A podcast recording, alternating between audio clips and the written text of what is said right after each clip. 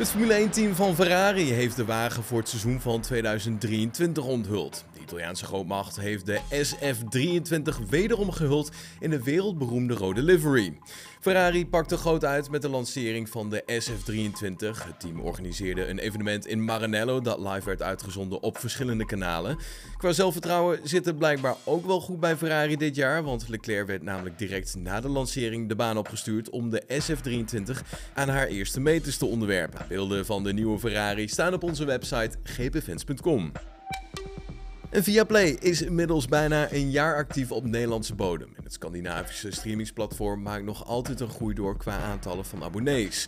Ook in het vierde kwartaal van 2022 is er volgens de cijfers van Viaplay weer een aanzienlijke groei meegemaakt en is het verder opgelopen tot 1,2 miljoen abonnees.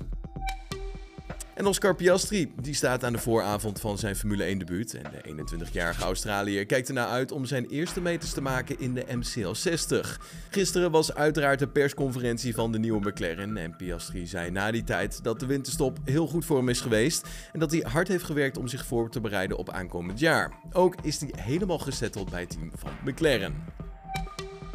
En dat was hem dan, het nieuws van dinsdag 14 februari. Altijd op de hoogte blijven van het allerlaatste Formule 1 nieuws. Vergeet dit kanaal dan niet te volgen of check onze website gpfans.com.